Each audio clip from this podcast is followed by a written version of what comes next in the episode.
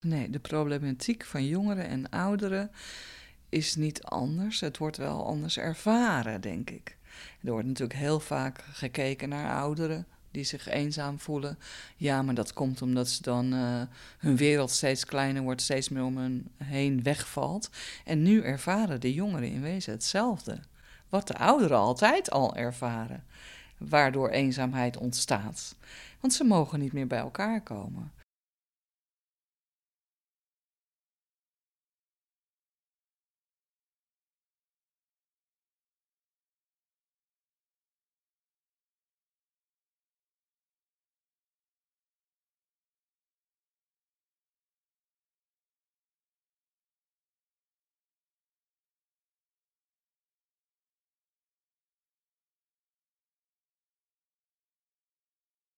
Ja, eigenlijk toen ik uh, naar de binnenbare school ging, toen uh, ja, merkte ik dat er best wel veel veranderde bij mij.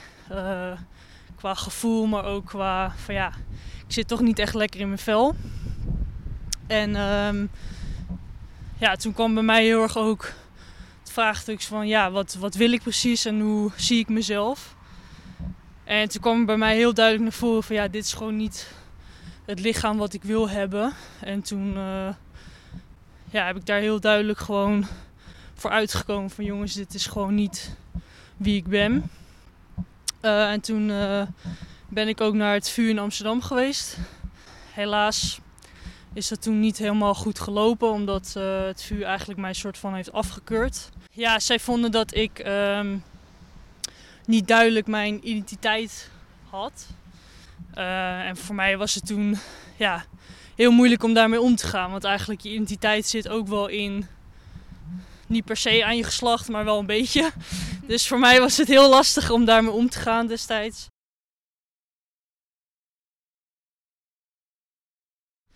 Uh, en mijn ouders die, uh, ja, die waren het helemaal met de VU eens. Dus die uh, ja, zijn er eigenlijk ook heel erg op ingegaan van oké, jij gaat je dus presenteren als hoe je geboren bent. Dus toen uh, toen heb ik ook wel verschillende zaken gedaan met therapie en dat soort dingen. Maar ja, destijds ook op school ging het gewoon heel erg slecht. En uh, ik merkte gewoon bij mezelf dat dat gewoon totaal niet ging en totaal niet paste. En toen heb ik eigenlijk 3,5 jaar ben ik nauwelijks naar school gegaan en heb ik nauwelijks contact gehad met mensen. Nou ja, ik was gewoon toen heel eenzaam en gewoon best wel, ja, ik had best wel depressieve klachten.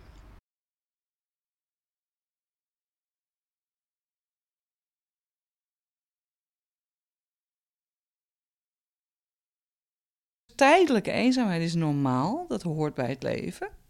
Dat, willen we heel vaak niet weten, maar het is wel zo. En als het langdurig wordt, dus als je blijft hangen eigenlijk in je ellende, uh, om het even plat te zeggen. En dat duurt langer dan ongeveer een jaar, dan kom je er vaak alleen niet meer uit. Dan wordt, zoals ik in de eerste podcast hoorde, wordt eenzaamheid een patroon.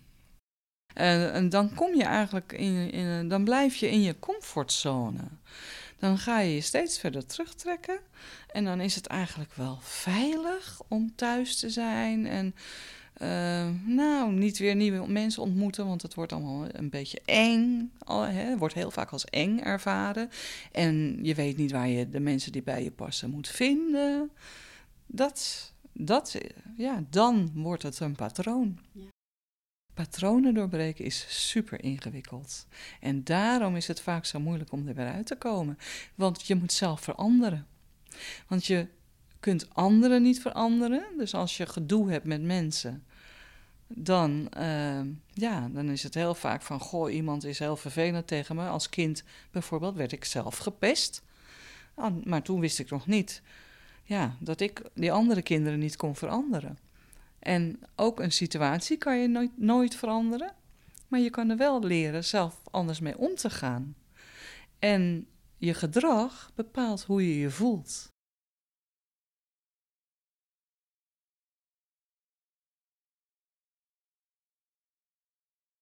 oude patronen zijn heel erg ingesleten. En als er dus een verandering in je leven komt, dan verandert dat patroon. En dat heeft tijd nodig. Dat is een, een transitiefase, noemen we dat ook. Het is net als een rouwfase na een overlijden. Dat duurt soms gewoon wel zes tot acht maanden voor je aan iets nieuws gewend bent, hoe je weet hoe je daarmee moet omgaan. Je kan ook echt, als je langdurig eenzaam wordt, hersenveranderingen krijgen. Dat is inmiddels ook, hersen, ik hoor dat ook zeggen, eh, door Spitzer uh, uh, bevestigd. Maar het is ook onderzocht door Cacioppo. Maar die heeft dus inderdaad onderzocht dat eenzaamheid in de, in de hersens dezelfde um, hersendelen laat oplichten als bij fysieke pijn. Dus eenzaamheid veroorzaakt echt pijn.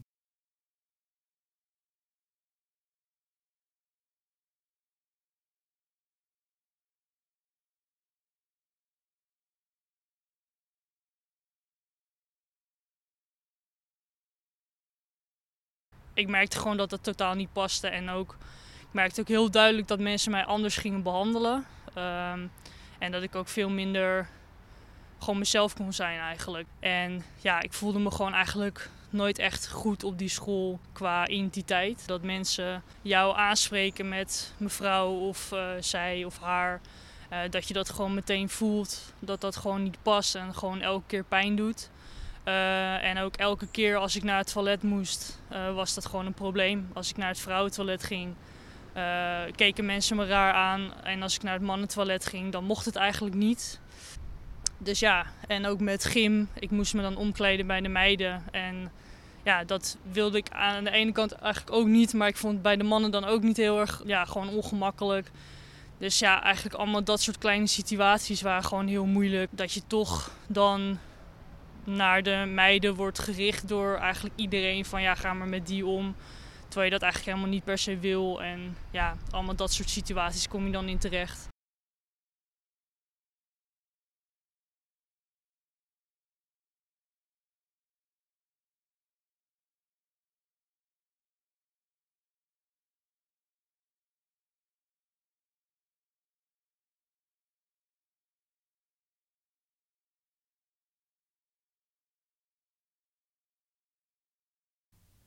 Nou ja, ik ben, ik ben dus nu bezig met diamond painting. En ik kijk uh, veel, ontzettend veel televisie. Want uh, mijn huis, ja, dat doe ik dan s'morgens. En dan ben ik moe. Ik, dan ben ik op. Dat, dat blijft. Of dat nou van de medicijnen komt of van die hersenbloeding, ik weet het niet. En diamond painting kunt u de hele dag doen? Nou, twee, drie uur en dan moet ik wel stoppen. Dan uh, ga ik scheef en dat wil ik dan niet. Hoe doe je dat dan? Dat kan ik laten zien, want er ligt er één nog op tafel waar ik mee bezig ben. Het is heel, heel erg verslavend werk. Ja. En dan pak ik mijn straaltjes hier allemaal hierin zitten in die bakjes. Met een nummertje erop wat je. Want er staan tekentjes op wat je dan moet plakken.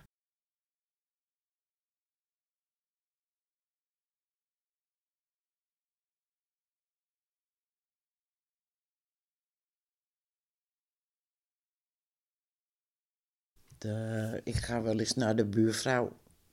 Die heeft een hond en die wil altijd zo graag bij me op schoot zitten.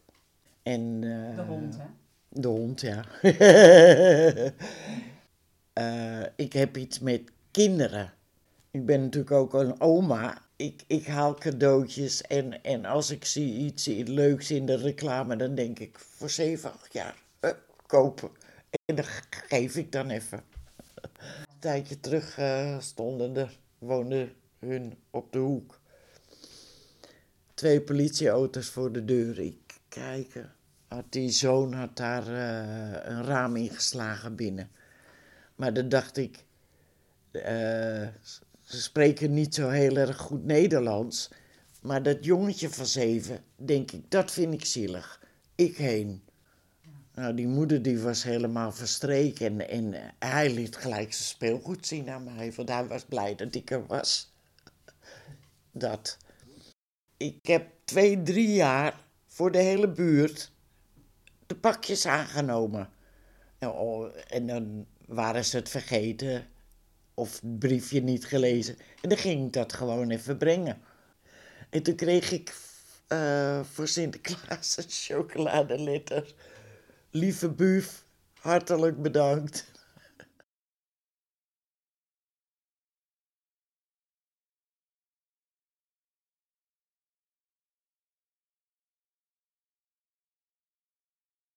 Het is een signaal van je lichaam dat er wat moet gebeuren, dat je verbinding moet maken als je je eenzaam voelt. Dus net als met eten en drinken, als je honger krijgt, of ja, als je honger krijgt, dan moet je gaan eten. Dat moet je ook zelf doen. Als je dorst krijgt, dan moet je gaan drinken. Dat moet je ook zelf doen. En als je je eenzaam voelt, dan moet je verbinding gaan maken. En dat moet je ook zelf doen.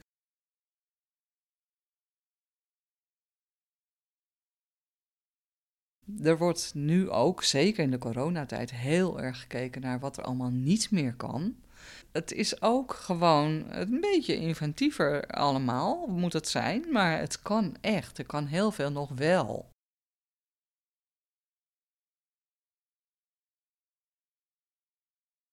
Maar eenzaamheid is eenzaamheid.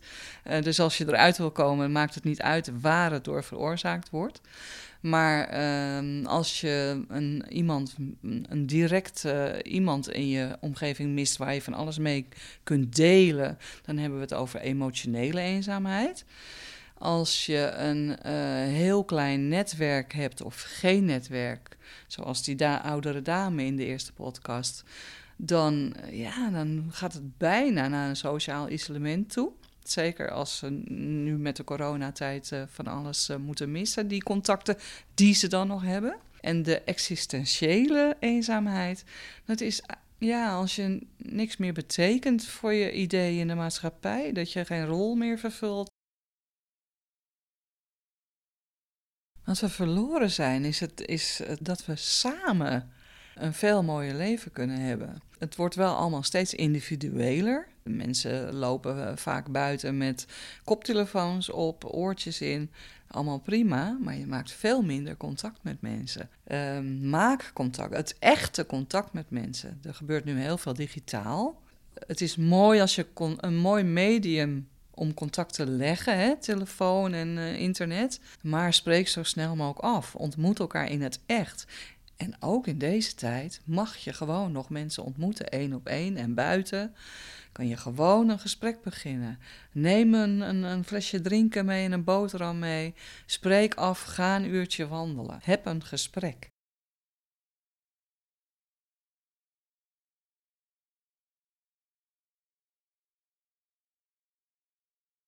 Dus ik, ik ben heel dankbaar dat ik er nog ben, want ik ben pas 74 geworden.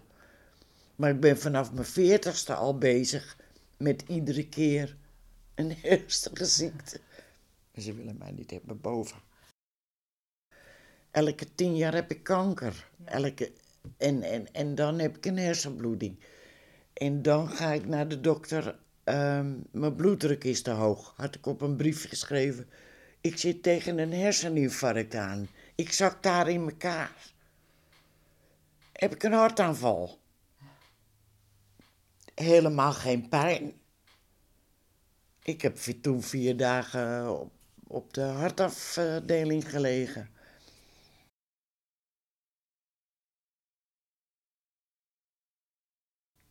Ik, ik uh, wil heel graag uh, naar het strand wandelen. Maar ja, als ik alleen. Ik ga wel eens alleen. Ja. Maar ja, dan loop ik een stuk langs het strand en dan ga ik maar weer naar huis. Want alleen ergens koffie drinken kan nou ook niet meer. En dan. Uh, maar dan heb ik wel genoten, zeg maar.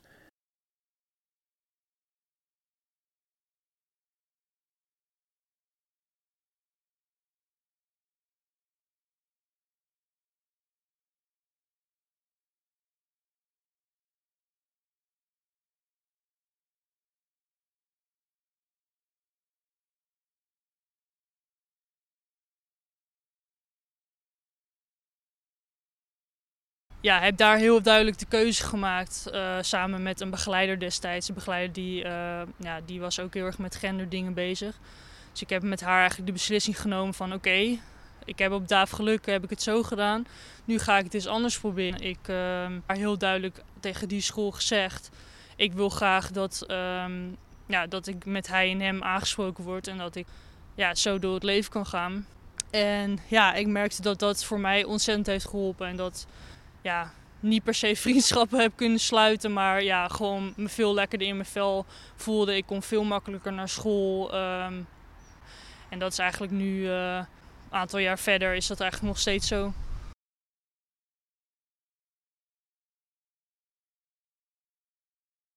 Ik ben gewoon nog steeds wel eenzaam, maar ik heb zelf ontdekt ehm, ja, dat mij heel erg heeft geholpen. Wel inderdaad met die identiteit, dat ik gewoon sterk in mijn schoenen ben gaan staan.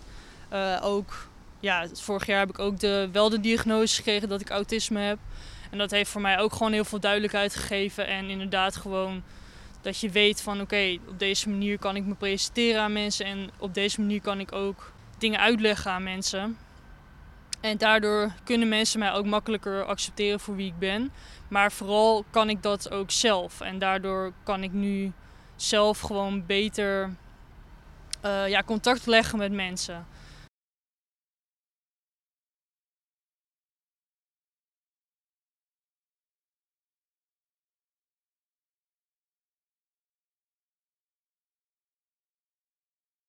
Heel belangrijk is dat mensen openstaan voor verschillende soorten mensen. Juist even een vraag stellen aan diegene van hey, hoe gaat het? Kan ik je ergens mee helpen? Heb je zin om even een filmpje te kijken?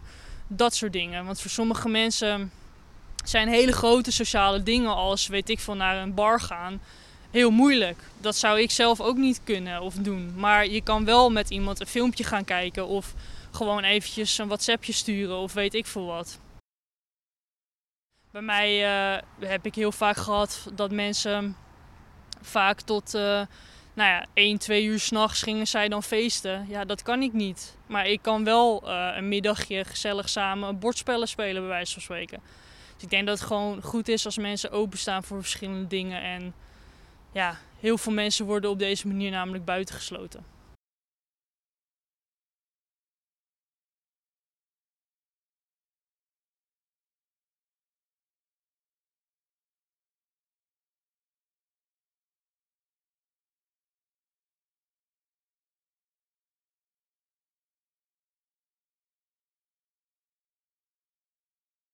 Albert Heijn is van mijn clubhuis. Want ik praat te veel. Als ik nou iemand zie die staat te zoeken van wat ze moet eten, dan zeg ik, oh, ik heb nog een recept voor je. En dan begin ik bewoel. Ik heb het gevoel dat eenzaamheid gewoon wel aan beide kanten ligt. Het is niet alsof, het, eh, ja, alsof mensen met mij contact moeten zoeken, maar dat het ook andersom werkt. Want toen ik niet goed in mijn vel zat, was ik heel erg in mezelf gekeerd en heel erg ja, gewoon op mezelf. En ik denk dat mensen dat hebben gezien als, oh, oké, die wil met rust gelaten worden. En nu ik veel meer mezelf ben gaan openstellen voor mensen, eh, gewoon contact aan het zoeken ben met mensen, merk ik ook dat mensen daar positief op reageren. Ja, zeggen ook van, oh, het gaat echt beter met je en eh, kom gerust nog een keer langs en het was gezellig en zo. Dus ja, het, ik vind wel dat het wel aan beide kanten eh, ligt, soort van. Er wordt heel vaak neergekeken op een prietpraatje. Maar als je een prietpraatje maakt met mensen, dan, dan kan je gewoon door kleine dingetjes te vertellen van, gewoon, is eigenlijk wel een leuk mens. Misschien vinden we gewoon wel dezelfde dingen leuk. Misschien kunnen we morgen wel een wandelingetje samen maken en eens praten over wat we allebei eh, interessant vinden en leuk vinden. En eh, wat voor hobby's we hebben of, eh, of er een klik is.